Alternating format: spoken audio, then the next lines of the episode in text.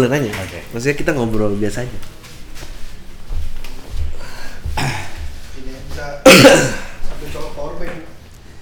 Oh, Jadi ketagihan pakai yang kecil. lebih bagus ya? Iya. Itu nyentor banget.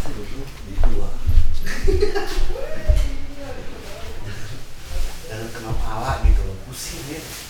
Gue tuh di ruang amphitheater itu mau mau mau begini anjing gue gak kuat banget gue.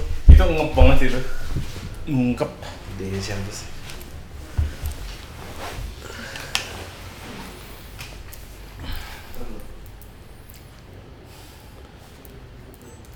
Yuk, rolling. Eh, udah bareng gue eh Selamat datang di obrolan terselo yang ada di episodenya apa nih namanya? eh, podcast awal minggu. Podcast hal ini. Eh, lu tahu band Sheila on Seven, band terbesar di Indonesia gitu banyak pengaruhnya buat gua. Nah ini adik gitarisnya. Jadi ini sebenarnya pengen ngulik Silon Seven tapi lo budget. Iya ya, lo budget betul betul betul betul betul.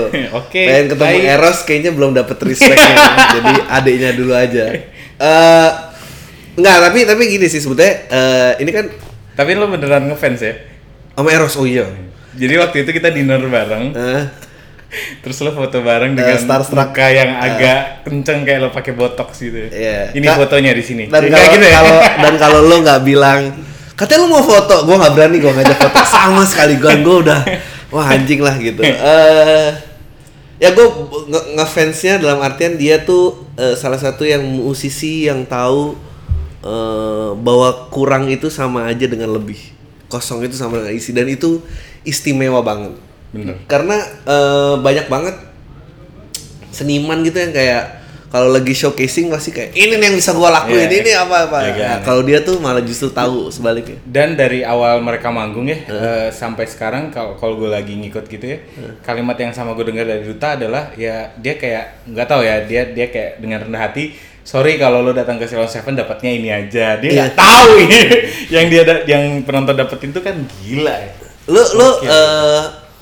Eh, nggak dan ini kan segmennya podcast awal minggu dengan tamu. Dulu pernah ada yang nanya kenapa sih nggak dengan bintang tamu? Karena nggak semua tamunya bintang oke. Gitu. kayak ini. Kakaknya tapi adiknya aja. Eh, lu lu ceritanya ngikut Sell on Seven tuh dari kapan? nggak ngikut. Oh nggak ngikut ya? Emang karena nggak pernah dilibatkan juga kebetulan. Cuman eh, apa yang yang gue lalui itu kayak eh, merasa gue eh, terlibat di dalamnya gitu. Kayak lo bangun pagi gitu eh, ngedengar lagu dari demonya Sound Seven yang lo pikir oh itu demo dia biasa aja. Terus lo jalan eh, sekeluarga dia style musiknya itu itu lagi itu spesifik lagu itu. And then 10 tahun kemudian orang nganggap itu lagu legenda yang punya cerita lalali lalali jadi kayak wow wow wow, wow gitu. Emang beneran wow. Dan gue pada saat itu pun ketika gue masih tinggal bareng sama eh, Eros tuh kayak nganggap lagu Sila tuh ya maksudnya ya bagus gitu cuman nggak yang gila ini gilanya Oh. tuh baru ending ending ini Oh, baru di ini ya? Jakarta setelah gue ke pindah ke Jakarta gitu. eh ini dong eh, by the way ntar kita ke ke, ke sisi Hendra ya jadi tapi Sell on Seven dulu aja. let it out man let it out eh pertama kali lu mulai sadar anjing ini kayaknya band ini bukan sembarang band nih. Dia tuh single pertama tuh kan 97 kalau salah 97 apa 98? 99 ya? Oke, dia 99 kita kan, nah, Ya. lupus kan. Mm. Sebelum itu dia udah merajai pensi-pensi dan digilai dengan orang-orang di. Jogja ya Di Jogja Jadi ya? zaman eh, indie apa gitu Jer, Jer- eh, salah satu radio di Jogja namanya Jeronimo Hmm. dia memang punya wadah buat musik-musisi indie pada saat itu Hmm. dan Sila dengan lagu kitanya juga itu udah udah kayak top request gitu di, di pada saat Anjing, itu keren gitu. banget ya. Ya Itu tahun berapa tuh? 95, 96. 98 98. Oh, se- setahun sebelum ya pokoknya setelah booming lagu kita di Jogja kemudian booming di nasional tuh nggak terlalu jauh bedanya gila ya. Dan, dan lu ceritain itu dong apa eh, eh, eh, yang lu pernah digencet kakak kelas gara-gara Iya, gila sih tuh. Efeknya tuh mungkin karena Jogja pada saat itu nggak terlalu banyak orang terkenal ya. Hmm. Dan eh, pada saat itu Silon Seven tuh kayak kita eh, mungkin keluarganya sendiri tuh kayak nggak menganggap bahwa eh, eh, ngetopnya si Silon Seven ini akan berimbas sama gue sama nyokap sama bokap sama semuanya yang pada saat itu. Ternyata ya masing-masing tuh kena imbasnya. Termasuk gua eh s- tiga bulan setelah album itu keluar dan kita jadi booming itu tuh kakak kelas terutama kakak kelas 3 itu tuh eh, sering banget nitipin eh, CD oh no kaset pada saat itu kan buat ditanda tanganin ke lima personil. Dan itu udah jadi PR gua kan lo kayak dikasih lo udah dikasih kayak PR buat tanda tangan pas lagi Ramadan tau kan? Anjing lucu banget. nyari apa namanya i- imamnya dan lain-lain gitu. Terus eh, pada saat itu yang yang nitip ke gue hanya orang-orang sebatas orang yang kenal seminggu dua minggu tiga minggu bulan depannya bulan depannya lagi tuh tuh kayak udah tambah banyak yang tadinya udah datang bawa lagi gitu. Punyanya si A punyanya tantenya punyanya apa segala macam gitu. Nah eh, ada satu ketika si orang ini tuh itu berulang-ulang. Jadi sekali datang punya dia dua kali punya kakaknya tiga kali punya gua nggak tahu punya siapa. Jadi intens datang jadi kita jadi juga sering ngobrol. Yang tadinya dia nyamperin gue ke kantin eh di kelas jadi kita ngobrol di eh, kantin tiba-tiba dia lagi nyamperin ke kelas dengan laki-laki. Yang nggak umum. Laki-laki tuh kayak nggak- nggak Iya, nggak peduli. laki-laki. Nggak peduli pada saat itu. Jadi tiba-tiba dia dan segerombol cowok-cowok. Gue kenapa ini? gitu. Mukanya kasar yang gue nggak pernah ngeliat muka-muka itu. Karena kan gue masih kelas 1 tiba gue diangkat dimasukin kamar mandi didorong. Ditanyain pada saat itu gue kayak gue melakukan kesalahan apa gitu ya. Karena kan rulesnya waktu kelas 1 tuh lo nggak boleh ke kantinnya kelas 3 atau motor lo kenapa. Gue udah ngingetin gue ada kesalahan rambut gue udah bener gitu. Tiba-tiba pakai bahasa Jawa kan. Oh apa gue karo bojoku? Mohon maaf pada saat itu gue juga belum ngeh banget nama cewek itu siapa. Ah. jadi kayak pas dia sebut oh apa karo si siapa? gitu. Gue gue kayak mikir lagi ini yang mana nih? Cewek itu tuh yang mana? gitu. Jadi gue kayak bukan belaga bego ya mas bro waktu itu gue lupa juga itu namanya siapa. Terus gue langsung di ada untungnya dia nggak main tangan dia cuma dorong terus kayak nyiram gitu. Terus yang lain-lain pada wah pada gitu-gitu doang tapi habis itu gue punya kakak sepupu yang yang masih kelas 3 dia datang dia yang ngamatin gue cuman ya aneh aja gitu kejadiannya sampai orang adiknya yang lain kan kayak adiknya Duta adiknya Sakti adiknya yang lain-lain cewek. Oh. Itu dilulukan Oh. kalau ada-adanya cewek itu mungkin eh, jadi kayak eh, jadi Ditemenin sama cewek-cewek hmm, pasti ya. bintang sekolah gitu ya kalau gue nggak gue Iyalah, iyalah, iyalah. imbasnya kayak gitu Lu sempat ngikutin mereka tour dan apa rekaman semua ini berapa tahun? dari gua kelas 1 SMA sampai semester enggak ding semester 1 semester 2 gitulah Hmm. Sekitar Dan gitu. dan dan eh, yang udah jadi grupisnya Sell on Seven tuh yang namanya udah besar tuh udah banyak ya. Maksudnya dulu belum siapa-siapa. Nggak, tapi lu nggak usah jemputin. Nggak lu nggak usah jemputin. Tapi lu menjadikan sak menjadi saksi banyak grupis. luar biasa sih luar biasa sih Anjing ya. gila sih Gila ya. ya gitu Nama-nama besar. Jing ya. Eh, kalau lo mata Nacho mungkin gue langsung ngomong kalau ini udah dibuka gede, exposure nggak seberapa lagi ya. Ngaruh apa gitu. di sini. Eh apa? eh jadi rumah tuh terus jadi tempat tongkrongan. Apa sih semua orang dateng, nevlokin, minta keluar apa gitu gitu. tapi eh, yang yang jadi apa eh, gua gua ininya gitu ya maksudnya kayak segininya banget nih efek dari eh, ngetopnya Salon Seven selain rumah gue itu rame eh, anak-anak sekolah pulang sekolah pada nongkrong situ kalau kita ke mall men Hmm. kalau kita ke mall tuh beneran kayak ah, waktu itu kan ki- kita punya adik cewek jadi masih kayak eh, sebulan dua Sekarang bulan. juga masih dong. Eh, iya, iya, iya, kita punya adik cewek. Ini masih waktu masih bayi, jadi kayak gendong gitu. Beneran kayak orang tuh beringas di mall gitu. Gila sih. Tapi sekarang udah nggak se Enggak. Cuman ada satu dua yang yang masih bertahan. masih minta foto, masih up. Tapi sekarang lagi rame lagi sih. Iya. Lagi rame lagi. Jadi kayak ke mana pun eh, kita pergi sekeluarga itu kayak ambience-nya tuh hampir kayak dulu. Hmm. Yang kayak orang noleh. Itu sempat hilang ketika mungkin empat apa lima enam tahun sebelumnya. Tapi sekarang ini kayak gitu lagi, kayak orang nengok lagi gitu. Nah, tapi menjadi adik dari seseorang rockstar tuh punya menumbuhkan iri nggak, menumbuhkan benci dan apa gitu-gitu nggak? yang gue rasain standar lo jadi naik Standar apa? dalam semuanya pada saat itu kan kita gue sama dia tuh umurnya eh, bedanya empat tahun Hmm. ukuran badan juga jadi kayak eh, nggak terlalu jauh kan pada saat itu belum ada Jadi baju yang dia pakai gue masih bisa pakai. Hmm. terus eh, secara musik Hmm. influence banget kan karena dia setiap hari mendominasi eh, player di rumah gitu. Terus eh, secara karir di eh, waktu pada saat itu dia kan munculnya kayak eh, gadis sampul event-event yang kayak gitu gitu. Terus yang event musik dan gue juga pernah mencoba untuk jadi musisi band. Jadi eh, standar lo jadi kayak gue lo nggak pengen jauh dari dari dari lu nggak pengen ketinggalan jauh ya nggak pengen ketinggalan jauh tapi secara gua- achievement Iya, secara gitu. iya. Gue, gue, pada saat itu kayak merasa under the shadow dong, pasti Iya, kan. pasti, Kayak, pasti. eh, bahkan kita, gue sempat ngeband sama Ade Govinda, kayak gitu. Ah, enggak. Itu tuh kayak yang yang yang eh, eh, ngasih job kita itu Hmm. adalah mereka yang pernah ngasih job ke Sion Seven Hmm. dengan harapan yang sama. Jadi Iya, dan lu udah kena kena pressure duluan kan di situ kan.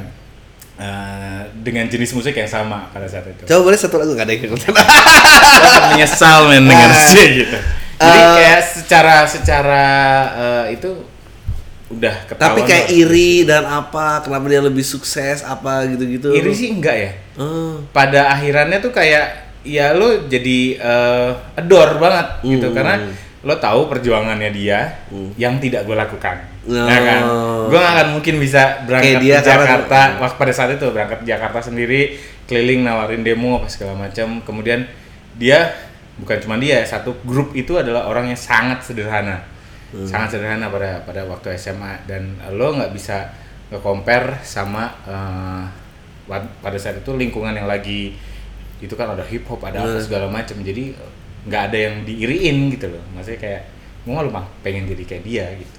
Ada saat itu Ya mereka tuh salah satu yang bikin menurut gue juga istimewa adalah yaitu eh, orang yang sangat sederhana dan mereka sangat eh, real gitu. Eh, Mereka siapa gitu Yeah. dan dan lu makin masuk ke dunia entertainment tuh lu makin sadar bahwa anjing banyak ya yang iya eh, dress for sukses doang nih Iya, gitu makeup iya. only nih banyak banget. Gak cuman ke entertainment, ke kehidupan pribadi pun jadi komp- eh, eh, look up-nya tuh ke mereka, kesederhanaan mereka tuh sebenarnya menyelamatkan orang-orang kayak gua gitu. Hmm.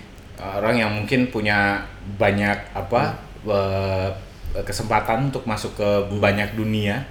Cuman ketika lo menoleh ke belakang, punya kakak seperti dia dengan segala macam eh, achievement-nya, tapi dengan kesederhanaan yang luar biasa, sangat dia jaga dari awal mula karir dia sampai sekarang ya itu sangat menyelamatkan. Itu selalu gue omongin ke dia gitu. Dia nggak pernah bantuin lu nolong kayak tolong dong diproduce demonya ini adik saya Nah, loh. Satu, itu itu yang nggak pernah akan gue minta juga Oke. pada saat itu gue karena eh, bukan iri ya, lebih marah pada saat itu karena orang ngelihatnya tuh yaitu under, eh, under the shadow. Si- Silakan adiknya Eros kok ini gini gini. Hmm.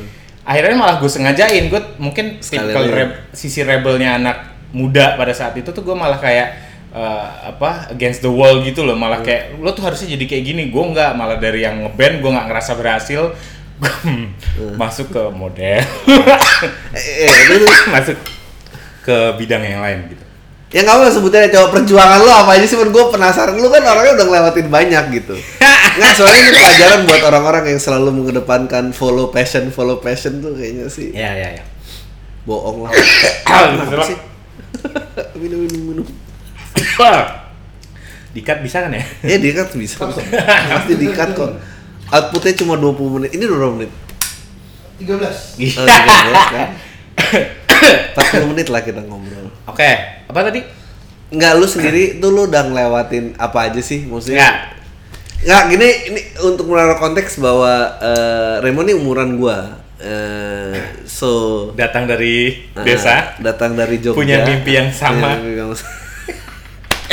Jadi mungkin gue kalau boleh di digambarin ini ini jadi eh, pengen sharing juga mungkin buat mereka-mereka yang eh, datang ke Jakarta dengan eh, tujuan yang ngerti kan kayak Hmm. nggak semuanya berhasil men.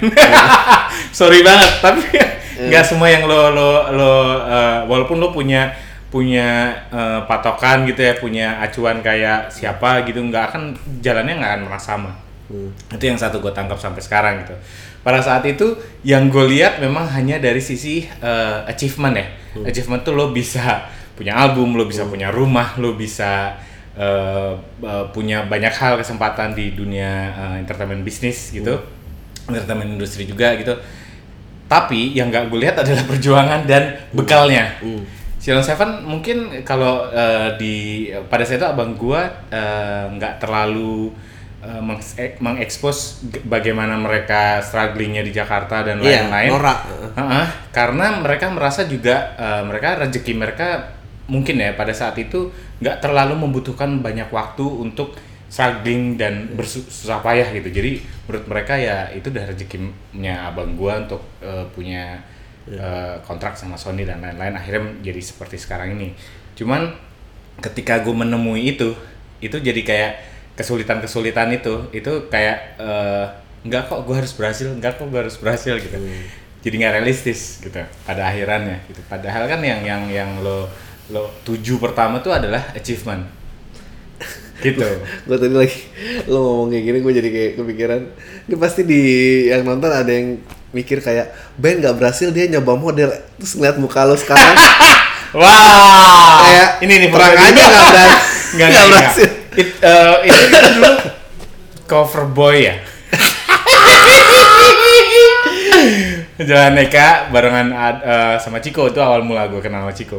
oh lo Ciko aneka sama Ciko ya Iya, satu angkatan. Sak- ya Allah ya Tuhan Nah setelah itu jadi Ben Ben abis itu modeling dulu Indonesian. Idol udah belum Belum. belum anjing Jadi gue di, di Jogja itu kan band. eh, ngeband Habis itu eh, salah satu reporter majalah Neka kan sering ke rumah ke Jakarta. Hmm, waduh Nah, pas pada saat ngeband itu kan gue masa-masa kuliah tuh eh enggak ding SMA kelas 3, kelas kelas 2, kelas 3. Saya job gue tuh jadi TL, tau gak lo? Tim leader buat minuman.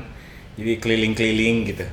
Gue pulang dari situ terus pul- pakai full baju minuman itu terus si si orang uh, majalah Nekanya mungkin itu bisa-bisaan dia supaya deket sama abang gue juga gitu ya. Ikut cover boy aja, abis syuting eh abis syuting ya, mencat. abis syuting ya, pakai uh, kostum. Enggak mas, habis jaga gue bilang gitu. Jaga apa? Iya jadi TL gitu. Oh ikut cover boy aja gini gini gini gini. Nanti ya nanti aku foto katanya gitu. Oh nggak usah mas, udah ada foto kan buat daftar TL udah ada foto. Ngebet juga siap, ternyata. udah siap. Gitu, kayak udah dikasih eh, berapa minggu kemudian eh ditelepon ditelepon suruh foto dulu untuk eh, tes gitu ke Jakarta. Udah. Nah ketemu Ciko di situ. Jadi gue kayak mencoba apa eh, kayak ala ala abang gue lah struggle Jakarta sendiri naik bisnis apa segala macem nah sus, ternyata naik susah bisnis naik bis. Apa sih? Eh, kereta bisnis. Oh kereta bisnis oke. Nah, waktu itu yang Jogja Jakarta. Foto udah masuk dah. Gitu. Ternyata ya udah nggak menang ya udah. Terus tapi ya kesempatan di Aneka lum- lumayan banyak. Waktu itu kan kita diarahin buat casting, buat apa, buat ini, buat itu. Jadi kayak sekarang masih appealing gak sih kayak gitu? Mas deh. eh tunggu kan dulu gue mau jadi asik. Panas banget. Jadinya kalau jadi panas Enggak, maksudnya eh, pemilihan model aneka itu masih bergengsi nggak sih sekarang? Udah Eh, enggak lah. Ya. Eh, Udah aneka enggak. tuh udah nggak bergengsi ya? Udah tutup juga majalahnya Pak udah De. tutup ya, anjing sedih banget ya. Iya. Sosial media tuh Udah, udah, udah Merusak semuanya ya. Iya. eh Gitu. Habis itu baru ikut ini, ikut itu, termasuknya Indonesian Idol gitu. sampai berapa besar misalnya? Ja- itu ngeselin banget sih kalau lo tahu. Jadi Indonesian Idol, tahu lo finalis ada berapa? Finalis ada berapa? Dua. Finalis, bukan grand Oh, finalis eh, 10. no, 13 berapa sih? 12. Oh, 12 ya. 12 kan. Gue ikut yang Indonesian Idol eh, ke satu. Ya. Jadi dibagi jadi tiga grup. Gue Hmm. grup kedua. Dari setiap grup diambil tiga. Hmm. Pada saat itu pas gue di grup kedua, gue urutan keempat. Hmm. Ya kan, masuklah gue ke uh, wildcard. Hmm. Pas wildcard yang diambil 10 Hmm. Ada wildcard satu lagi 11 Gue urutan ke-12 Lo tau betapa Tuhan menguji gue saat itu Anjing goblok banget. Gitu terus ya udah gak masuk lagi gitu Berapa kali nyobain Indonesian Idol? Satu Oh, kira Satu berkali kali doang itu Habis itu Nah, eh, stepping stone-nya di Indonesian Idol eh, enak lagi ketemu sama Mbak Mutia Kasim. Hmm. Eh, terus kenalin apa segala macam, terus masuk ke sinetron. Hmm. Di situ sinetron, kontrak tuh sama MD sekitar 4 tahun, 5 tahun lah. Hmm. Datang pagi, take malam gitu kan figuran. yang diutamakan yang utama tapi Ini kontrak lu da- dari figura dulu. oh enggak enggak masa kayak pemain pendamping gitu maksudnya Eh. datangnya unit tuh lokasi makanya sekarang kan gue jadi produser nih. Sombong. Jadi gue sangat memahami yang namanya kru sama talent. Kalau dulu unit tuh hobinya ngumpulin eh, kan kita masih pada masih pada muda-muda tuh kumpulin jam 8 pagi take jam 6 sore kayak gitu tuh nggak baik tuh. Gila. Karena pada saat itu kan kita Iya. maksudnya maksudnya Udah cari standby aja udah. iya gitu. Padahal pada saat itu kan lo bisa Ngapain atau eh eh, abis nggak abis di lokasi kerja gitu. Zaman itu kan masih weekly ya, tayangan weekly. Jadi sebenarnya kalau dilihat dari industrinya sendiri lo satu episode lo bisa kerjakan dalam 3 4 hari kan. Hmm. Kalau dulu seminggu full tuh buat satu episode. Lo masih proper dong berarti produksinya ya. Ini tahun berapa ya by the way? 2006, 2007. Anjing 2007 itu kayak 12 tahun yang lalu ya. Iya, iya, iya, iya. Mulai- berasa. Ya. Tapi eh lu mulai tahu bahwa anjing kayaknya eh, Ini- fame bukan buat gue Iya. nih gitu. Itu Pada kapan? saat itu udah mulai usia-usia gue nggak kerasa banget tuh gue datang ke Jakarta tuh umur 21 Ah. di tahun 2004. Hmm. 15 tahun kemudian. Iya tiba-tiba di suatu pagi gue gue lagi ikut apa sih namanya Let's Dance ya itu yang dance eh, satu produk buat kosmetik cowok itu By the way ini dari tadi namanya tamunya Hendra Raymond loh. Dari tadi lo nggak pakai itu ya Eh, ada ada ntar ada Hendra Raymond. pakai Hendra apa Raymond? ya? Ya, siapa, Sama siapa aja. aja lah Sih. ya kayak Adriano Colby Adriano apa Colby gitu. Adri. Hen- nah Hendra tuh lebih eh, alter ego gue yang profesional gitu kayaknya Eh, iya, iya. kalau Raymond tuh udah kayak bro gitu. Nama artis. ya. Berarti yang nama artis yang Raymond. enggak lah Enggak lu lu gimana tadi? Lu sadar bahwa anjing nih kayaknya bukan buat gue nih. ya setelah 21 tiba-tiba gue terbangun di kota apa gitu gue lagi roadshow em, umur 27 28 gitu terus kayak di situ tuh jadi road, eh, si event roadshow itu tuh udah kayak eh, keberapa lah kontrak keberapa. Dia kayak per tahun tuh seasonnya eh, ada terus. Di satu pagi eh, semalamnya tuh kita habis meeting eh, tim manajemen gua sama eh, eh, sama brand bahwa kontrak gua nggak akan dilanjutkan gitu. Hmm. dan setiap gua selalu mendengar kontrak tidak akan dilanjutkan. Itu tuh udah kayak dunia selesai pada saat itu. Dari sinetron sinetron zaman itu atau sinetron tuh gampangnya lu datang ke lokasi terus lu lihat skrip next episode-nya nama lo nggak ada nama karakter lo nggak ada itu tuh langsung kayak anjing gue nggak punya duit dong berarti minggu depan kayak gitu gitu loh Ah. jadi gue ngerasa kayak nasib gue ditentukan sama manusia Hmm. lo nggak peduli lo bagus nggak peduli lo udah eh, seloyal eh, Oh. loyalitas lo udah kayak gimana nggak peduli kerjaan lo eh, sehasal apa pun ya kalau mereka udah nggak suka nggak suka gitu di situ gue kayak langsung mikir kayak men gue kalau kerja gue ngerasanya sih ya lo lo sebagai atasan gue gimana ngeliat gue resign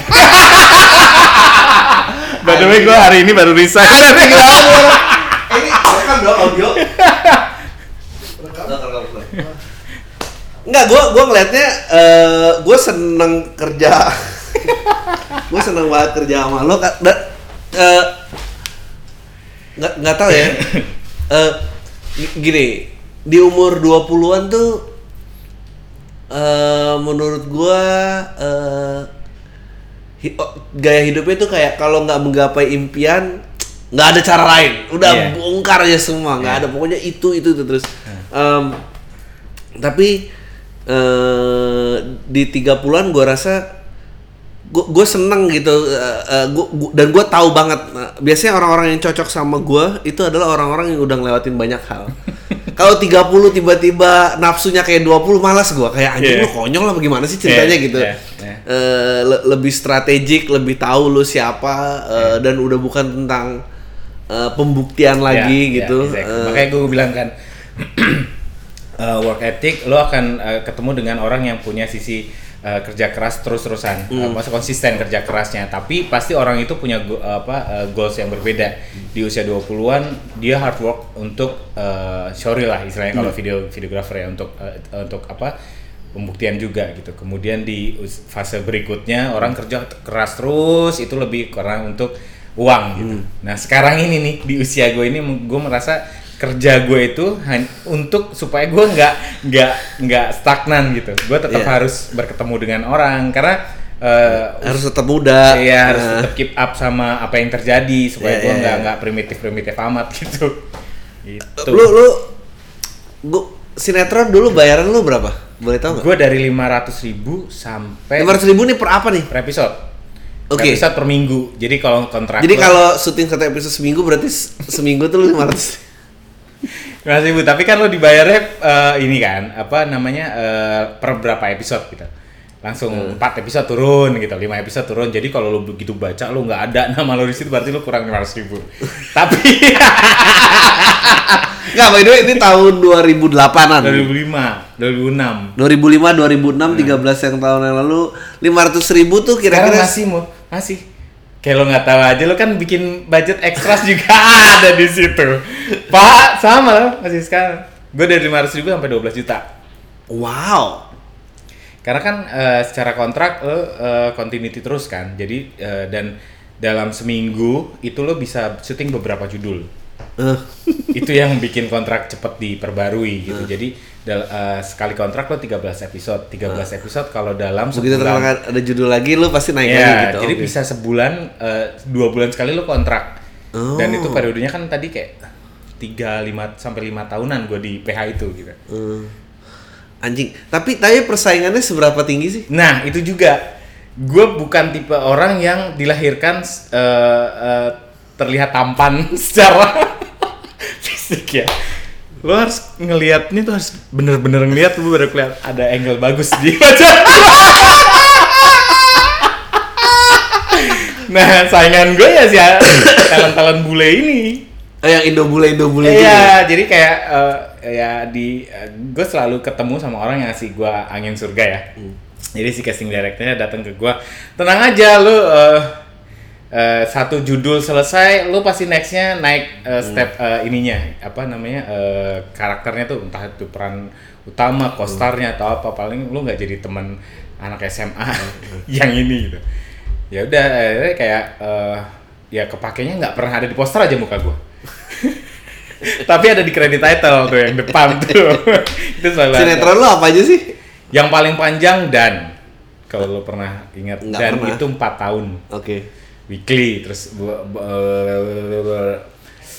Cinderella Eh, eh ya Cinderella yang cinta Oke. cinta cinta Laura eh. nggak tahu juga mimpi manis tahu tahu gue cinta tahu Iya, tahu mimpi manis ini yang panjang-panjang itu sih dulu lebih enak lebih gue lebih seneng weekly sih karena tabungan lo lebih banyak men daripada Iya. lo kayak eh, stripping tuh udah capek Hmm. eh secara nil value juga ya beda Hmm. 11 12 lah gitu. Eh gue gue pengen di di industri persinetronan. Itu ada yang peduli dengan kualitas nggak sih? Apa emang yang penting jadi aja? Emang Nggak. jadi aja Jadi gue ending endingnya kenapa gue dipecat dari sinetron, Heeh. gue udah gerah banget dan sisi arogansi gue mulai muncul karena gue udah merasa nyaman dengan lingkungan ya kan dengan kantor gue merasa dibelain terus. Heeh. Jadi eh, si peran utamanya gue bully men. anjing goblok banget Jadi kayak eh, dia datang telat, dia datang seenak jidat, sedangkan gue harus nungguin scene, gue masih harus pindah lokasi lagi ya. Jadi kayak gue berantemin lah di situ. Habis itu eh eh, apa namanya? Next episode gue hilang. Attitude kan berarti kan. Gitu. tapi emang emang eh, ke absahan pengaruh Essie Nielsen tuh valid apa enggak sih? Kenapa dia yang favorit? Kenapa enggak? Orang tahu dari mana Gua derajat? nggak tahu ya penulis gua itu nah kenapa gua lama selalu kalau sinetron weekly pas part gua karakter gua itu pas dapat grafik yang bagus terus makanya gua selalu nempel sama peran utama pada saat itu jadi kalau lo ngerasa gak dia merap story dia gua nggak terkenal ya karena itu karena gua karena part gua cuma nempel di peran utama doang gitu Kayak part lo di real life ya, maksudnya nempel. Gitaris yang terkenal ya kurang lebih betul berat. ya. betul sampai di sinetron Gimana rasanya jadi Robin Tapi- seumur hidup? apa Gimana rasanya jadi Robin seumur hidup? Gila sih. Tapi di sinetron gua aman. Eh, jadi eh nggak gue nggak pernah dapat spotlight eh, Raymond pemain sinetron adiknya Iya, A gitu. Iya. nggak pernah. Karena wartawan pun gatel kali ya. Males nulis nggak ada hubungannya gitu. Jadi pa- malah pas Indonesian Idol tuh gila-gilaan exposure-nya. Oh, parah baru sih. dari gue audisi di Jogja Eh. lagi ngantri no? Keringet-keringetan di foto karena ada salah satu wartawan lokal yang lihat Kenal. gitu dikasih tahu akhirannya begitu gue sampai lolos eh, ke juri lokal nih belum ketemu sama Hmm. Titi DJ sama gitu-gitunya gue keluar ruangan audisi tuh udah- gue udah kayak press con sendiri Hendra adiknya Eros ikut audisi Indonesian Idol nah Mending nama gue disebut enggak salah satu peserta Anjing, audisi. Jogja adalah adik Eros Siapa Anjing goblok banget. Anjing gitu. orang goblok itu makanya dan gue di kayak ngerasa gue di di di highlight banget kan. Jadi kayak sampai step ini adiknya lolos kan lolos. Step ini lolos yang gitu gitu kayak wah anjing ini ada Delon ada Joy itu gak di diomongin. Sedih sih. Cuma di situ yang ngalahin Delon ternyata. terus nggak masuk sedih. Si sinetron sinetron itu jadi attitude jadi mereka tuh mindsetnya ngisi volume Ya. sebanyak banyaknya Ya, ya.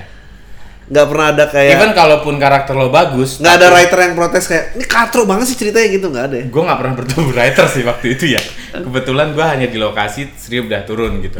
Jadi industrinya gue pelajarinya hanya dari sisi itu dari bi- eh, bikin filmnya itu gitu. Yang membekali dengan ke pekerjaan sekarang maksudnya. Nah eh, even walaupun lo bagus eh, acting lo bagus tapi karakter lo eh, yang diperhitungkan tuh karakter lo. Karakter lo ini harus tetap ada nih supaya bikin konflik dan lain-lain. Lo nya dibuang karakternya ada. Operasi plastik. Itu kan? Gitu. Gue yang terakhir yang terakhir gue dipecat dari sinetron itu ya itu. Tiba-tiba karakter gue diganti sama orang lain. Eh iya. Jadi karakternya ada tapi diperankan oleh Nah. orang lain kalau enggak yang terus dibil- dibikin logic story-nya operasi plastik gitu? Ya enggak terserah Oh. mereka mau dijelasin kalau penting-penting banget dijelasin. Kalau enggak tinggal dikasih wig kalau enggak bajunya disamain. Anjing aneh banget ya. gitu seancur itu. Nah terus lu sadarnya kayak anjing ini ternyata bukan setelah dipecat setelah sinetron. Nah. nah setelah sinetron karena gue memang udah bosen juga gue mencoba hal lain presenting. Oh presenting eh, nge-MC off air ternyata duitnya gokil ya gitu Hmm. pada saat itu gitu ya udah terus akhirnya terakhir tuh di presenting itu presenting terus abis itu yang gue ceritain suatu pagi gue bangun mau Panic diputus attack. kontraknya terus gue eh, balik Jakarta udah mulai kalut-kalut kalut segala macam terus gue ketemu sama Christian Sugiono Hmm. habis itu ngobrol makan siang diajakin ke MBDC malasbanget.com Hmm. Di situ gue mulai tertarik dunia kreatif industri kreatif untuk lebih dalam gitu Eh ini eh, produser jalan-jalan men. maaf maaf director pak Nah, udah, ada loh achievementnya. produsernya ini deh Christian Sugiono pak Nggak orang-orang tuh pikir eh apalagi dengan era sosial media yang full blown ya orang-orang ngerasa bahwa eh, oh ketenaran tuh hak semua orang. Orang Yeah. tuh nggak tahu kayak anjing susahnya tuh gimana, Yeah, yeah. Posisi lu di mana, lu strength-nya di mana. at the end ya kayak yang gue bilang tadi kalau lo look up-nya ke eh, apa achievement dan lain-lain mendingan ke situ terus aja instead of lo harus eh, nyari-nyari kayak gue tadi ya. Itu jadi kayak lo akan passion lo akan sangat dimainkan di situ. Either lo nggak suka tapi lo dapet itunya kesempatannya tapi lo tetap coba bertahan akhirnya lo berontak di ending. Jadi kalau lo memang eh, mau datang ke kota besar saran gue ya lo harus punya bekal yang kuat banget sih lo mau ngapain di Anjing. ibu kota. Eh harus mau bekal yang kuat banget lu mau ngapain di ibu kota ya? iya Ya, waktu gue penasaran kayak seberapa banyak duit yang bisa lu peroleh dalam sebulan dalam tingkat tertinggi lu sebelum lu jadi produser dan director gila sih uff kalau hitungannya ya Eh, Mas, gue masih nge eh, pendapatan gue paling tinggi itu pada saat gue jadi presenter. Gue mulai bisa nabung di pada saat gue jadi presenter. eh, program weekly. Satu episode lo dibayar 7 juta. Nah, Berarti kali 4 28. 28 juta. Satu kali event minimal banget lo dibayar 4 juta. Nah, Kali 4 nah, 16 16 juta. nambah 28 Itu, nambah itu 16. sekitar pendapatan 30. Pendapatan seorang skuter. Pantes semua orang pengen jadi seleb ya, karena yang Iya. skuternya aja 44 juta ya. ya kalau kerjanya benar. Kalau kerja benar, iya.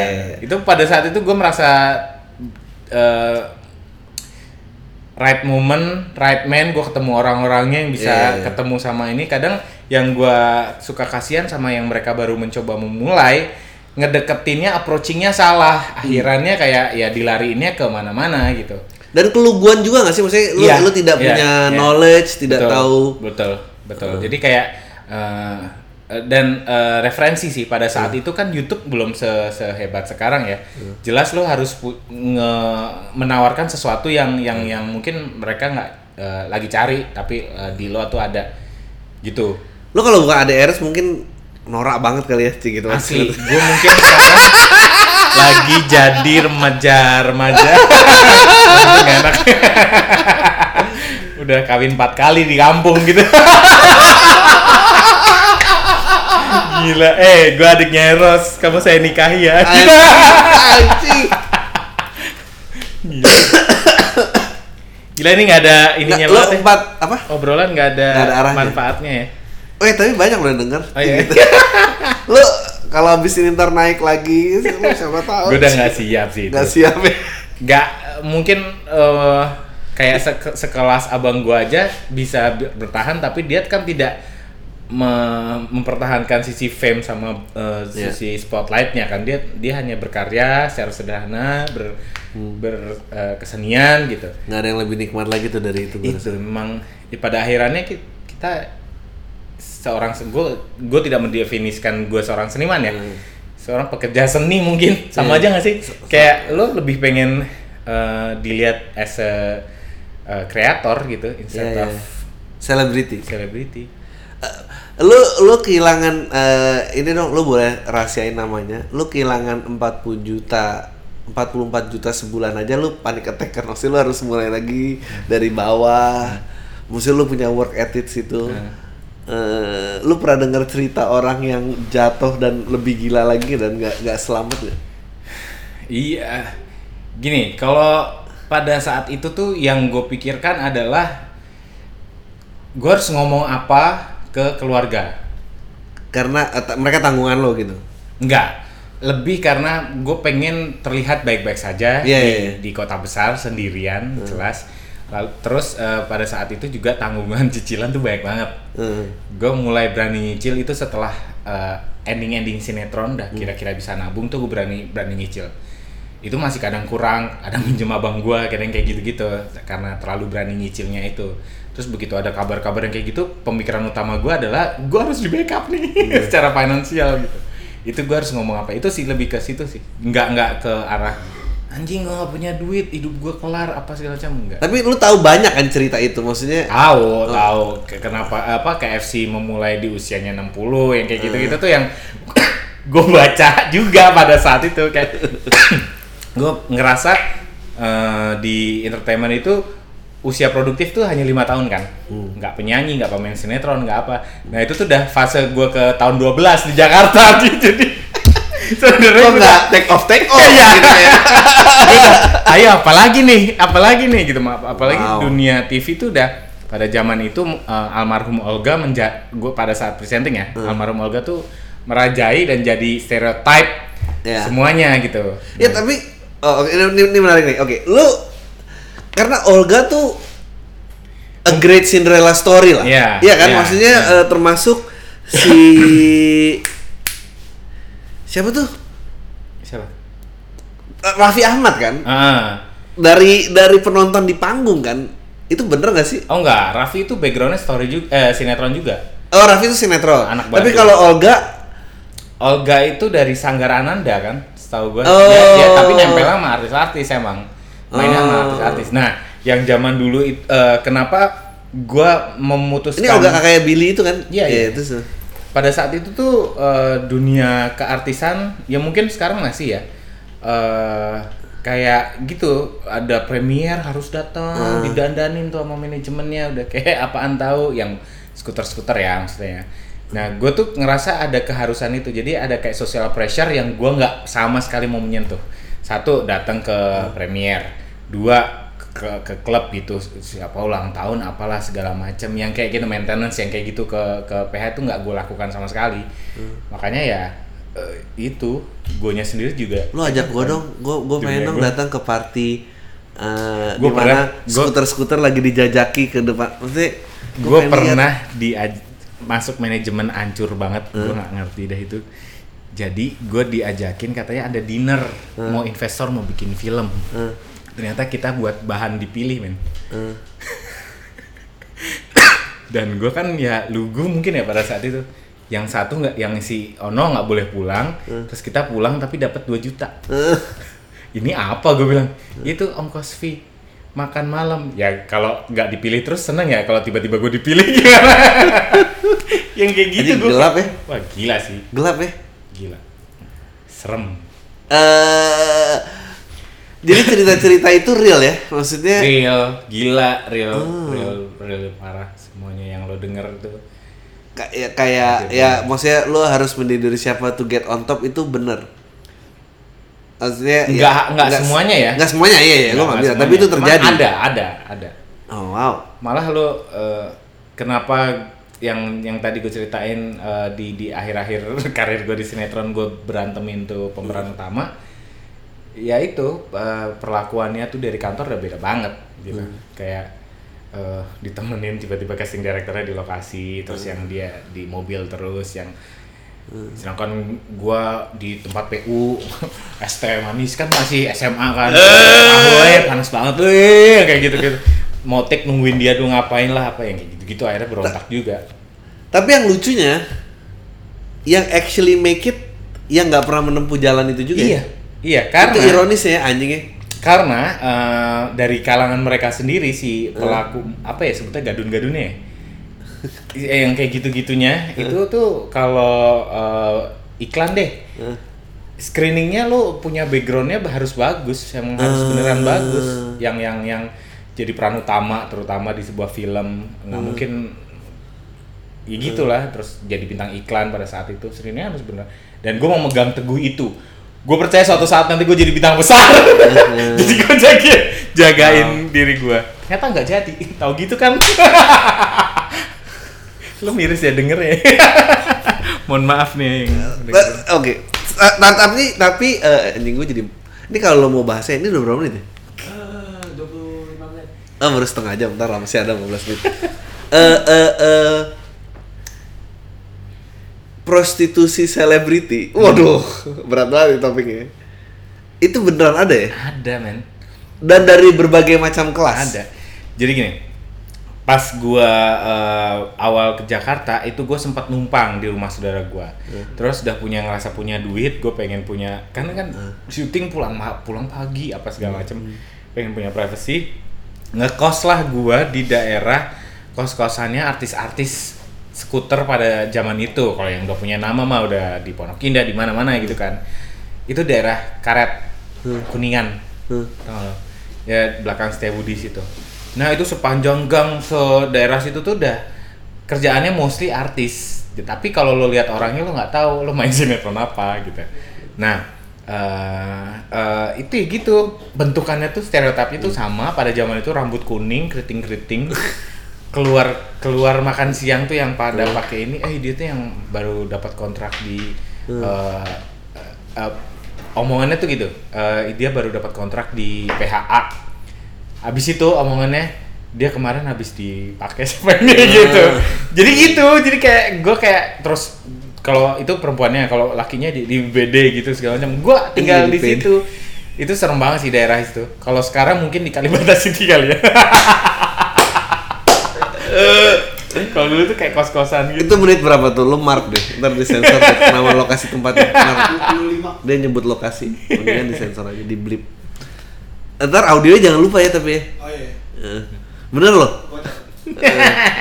Ini ngomongin Jadi- prostitusi selebriti loh. yang yang depannya kak tadi di gitu. Depannya kak apa? Itu kan tadi apartemen tadi. Iya. iya. Em, apa namanya? Ya gue sih I have no problem dengan eh ya tapi ini moral rights gue sih. Gue nggak nggak bermasalah dengan prostitusi. Eh, menurut gue itu hak dari manusianya. Ini gak usah keluar lah di videonya nih. Ini, ini buat audio aja nih ngeri gue.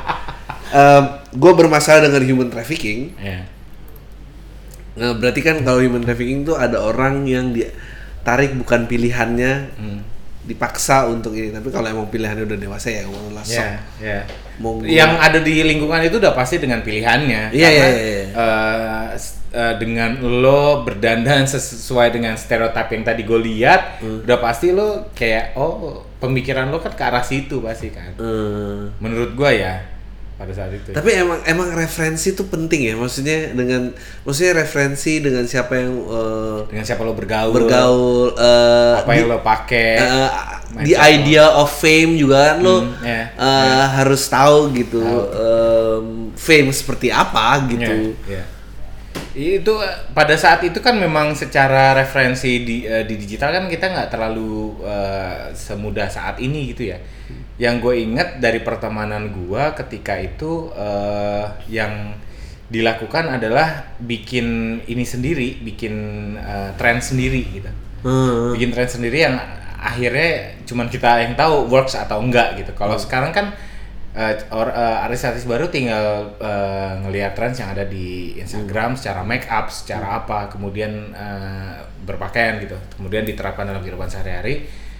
Jadi eh, ininya jadi kelihatan tuh jadi lebih variasinya tuh lebih banyak dan tapi pada akhirnya kita jadi nggak notice dia yang mana ya gitu. Oke, ini ini ini gue baru jadi keinget. Waktu project kita, Hah? Aha, apa? Waktu project kita, Hah? eh, kita syuting di Jogja, Hah? terus kita ke konser dangdut. Yes. Eh, itu kelas apa ya kira-kira ya? Maksudnya eh, eh, eh, kalau orang-orang di situ Masuk ke industri ya, entertainment gitu. eh, apakah orang-orang itu akan ke cross ke industri entertainment? Apa memang itu buat pertunjukan yang enggak enggak ya? gue rasa mereka eh, marketnya ya situ aja sih ya Situ aja ya. Nah, karena secara sisi eh, skill dan lain-lain nggak terlihat berbeda satu sama lain ketika mereka ada di panggung itu ya ini Tapi yang kayak Inol gitu dari situ nggak asalnya? Beda. Iya dari situ. Cuman Iya, kan iya, iya. secara kayak tadi secara skill Inul berbeda pada saat itu Betul, kan betul, dengan betul, dengan betul. dia menciptakan tren sendiri si Go yang ngebor itu kan. Eh, lalu ada satu eh, apa sih produser atau promotor yang yang ngorbitin dia di Jakarta gitu. Tapi kalau yang kita lihat yang kemarin menurut gue sih ketika itu di bawah Jakarta pun bukan jadi hal yang punya selling point lebih gitu. Ngerti sih? Eh, jadi jadi eh, jadi kesimpulannya adalah satu memang by the end of the day yang nyampe di atas banget tuh memang karena skill lu berbicara ya. Maksudnya enggak nggak skill karakter sih ya karena eh, maksudnya ada unique selling Nah. point. Mati. Dari kapan mati? Baru baru. Oh. Ya. Tapi ben- maksud gua tapi beneran ada unique selling point yang Iya orang bisa ambil. Dan- so you, lu tuh uh, bi- bisa disebut lu nggak nyampe di atas karena hoki Yes. atau karena lu nidurin orang siapa itu enggak kan ya? Dan gue menyadari gue sebagai apa pun itu yang gue lakuin ya gue nyanyi ya gue ternyata pada saat itu jalan cara eh, semua jalan yang gue lalui. Karena gue nggak punya unik eh, Selling point. selling point itu sih. Karena gue nggak seberani itu mengeluarkan sisi jadi gini yang menarik ini baru gue dapetin eh, teori ini. Jadi ada teori eh, di Korea Hah? dapetnya dari anak-anak kantor. Ya kan gue lagi ngulik banget si siapa namanya? Lisa Blackpink, ya. Lisa Blackpink lo tahu kan. Nah jadi mereka tuh ada salah satu teori gue lupa nama teorinya apa cuma di dalam teori itu di setiap eh, badan kita tubuh kita itu namanya the self itu tuh kita punya tiga elemen. Ada eh, eh, anima ada the shadow ada satu lagi apa gitu? Kalau oh the the persona the the the persona the anima eh, anima sama the shadow. The persona itu apa yang ingin lo keluarkan? Ya. ya kan? Kalau anima itu apa yang lo tutupin sebenarnya tapi lo bisa lo punya gitu. Hmm. yang lo takut semua orang ngelihat kalau itu tuh eh, malah jadi eh, kontradiksi sama persona yang lo tampilkan. Nah satu lagi si the shadow, shadow itu yang selalu bikin lo nggak mengeluarkan si itu kan si si animanya itu. Hmm. Kalau yang gue lihat yang dita yang yang gue alami dulu, gue hanya menampilkan persona gue doang. Hmm. Gue tuh pengennya jadi waktu itu kan lagi Indonesian American Idol kan, Ryan Seacrest, As a House, gue gue pengennya kayak gitu, kayak eh, apa Farhan, Hmm. yang kayak gitu-gitu. Gue mau dianggap serius, gue mau dianggap gue punya otak, gue mau dianggap eh, bahwa gue ini keren, cool gitu. Eh, itu yang pengen gue bentuk. Tapi pada pa- deep inside gue dalam tuh gue tuh bisa kayak Olga tuh gue bisa gitu kayak Hmm. gue ngebanyol gitu tuh bisa gitu. Cuman gue nggak mau gitu. Nah itu yang yang yang akhirannya gue memutuskan kayaknya enggak sih. Gua Jadi tapi yang lu pelajari dari itu mestinya orang itu mengembrace apa pun yang dia tutupin. Apa gimana sih? Ya, Simpulan uh, dari ajaran itu. Sebenarnya kan yang lu yang pengen kayak Farhan, tapi yang lu tutupin sebenarnya lu pengen juga kayak Olga. Jadi Oh, enggak, kalau lu berhasil yang kayak Olga harus dikeluarin. Apa gimana sih? enggak pada saat itu kan tadi gue bilang stereotype host pada saat itu kan Olga Saputra. Betul. Ya kan. Nah, tempatnya kayak Farhan tuh udah mulai host-host kayak Farhan tuh udah mulai berkurang gitu, Ya. ya kan. Nah, pada saat itu kalau gua masih pengen bertahan di dunia itu, gue tinggal ngeluarin sisi-sisi itu gitu. Sisi Olga. Sisi Olga nge-host, ngebanyol apa segala macem eh, ke- eh, sisi Raffi lah gitu. Tapi itu mesti dilakukan apa tidak mesti dilakukan? Kalau lo mau bertahan lo harus melakukan itu. Karena Oh, setiap gue oh. datang casting yang ditanyakan sama mereka bisa ngelucu nggak, Hmm. bisa nyanyi nggak. Padahal ke- callingan castingnya adalah host, Hmm. host acara musik gitu. Jadi di, di di rumah lo bekalin diri lo dengan musik kan, lo denger eh, lo baca-baca yang berita terkini tentang musik gitu. Tapi pada saat datang lokasi syuting, lo yang disuruhnya begitu, ngelucu, terus eh, nyanyi gitu. Padahal kan lo tau gue Indonesian Idol, gue pasti bisa kan. Cuma masih mau, mau nyanyi, cuman gue gak mau gitu. Mau gue maunya dilihatin, yes, MC keren gitu. Tapi nah sekarang kan lu lu eh, taking the other side of the camera gitu, Hmm. move behind the camera. Lu ngelihat dengan ada stand up comedy dan sosial media, gue karena bentuk ini menurut gue meledaknya agak bareng. Hmm. eh m- mereka ini udah merubah mainstream gak sih maksudnya? Banget lah, oh ya? banget lah. Secara se- eh, itu tadi gue Tapi kayaknya sinetron sinetron gitu-gitu aja. Nah, tapi kan udah nggak mendapat eh, secara Atensi yang gitu. atensinya kan nggak kayak dulu dulu zaman Cinta Fitri. Hmm. Walaupun gue udah nontonin sinetron, gue sempet eh, ngikutin gitu, masih ngikutin secara ini kenapa rame yang kayak gitu-gitu. Kalau Hmm. sekarang ada sinetron rame, bodo amat gitu kan. Eh, kalau sekarang, kalau yang yang gue rasain dengan adanya stand up, dengan adanya sosial media, stereotip itu udah nggak ada. Hmm. Itu yang paling menyenangkan, yang yang seharusnya gue lahir di era ini. ah, gaya lo. Enggak sih, menyenangkan adalah lo di sosial media, eh, apalagi kan gue sekarang bisa di, gue menyebut diri gue kan pelaku seni di bidang eh, film gitu ya. Maksudnya gue jadi lebih banyak eh, referensi. Kalau dulu mungkin artisnya itu itu aja gitu. Oh lo kalau nggak kerja di sini aja bener. Bener. Masa bener. enggak? Bener bener bener bener bener. Ayolah. Bener ya. Ayo Ini berapa sih? Gila ternyata gue interview men. Maaf, eh, ini ini terakhir nih. Jadi eh Kesimpulannya dari obrolan ini apa? nggak ada ini obrolan obrolan kopi aja. Eh siapa satu orang yang membukakan pikiran lo gitu bahwa oh dunia ternyata nggak berakhir ya kalau gua Ya itu tadi, mungkin ya? kalau disambungkan dengan oh eh apakah selalu abang lo gitu apakah it's always been my brother sih. wow Jadi kayak em, ah, ketika gue di Jakarta, ketika gue em, mengalami segala macam eh, permasalahannya, permasalahan gue gitu, yang menyelamatkan gue adalah gue mengingat memiliki punya adan apa, eh, kakak yang sangat sederhana dengan karya yang mungkin eh, nggak terlalu neko-neko, tapi eh, long last eh, dan bisa berguna buat orang lain. Gitu sih. anjing the best. Ya udah terima kasih. Eh bener lo kita harus ngobrol. Udah itu ya tayo lo semua. Deh ayo coki. Eh iya bener ya. Apa sih? Jadi apa? Casting director?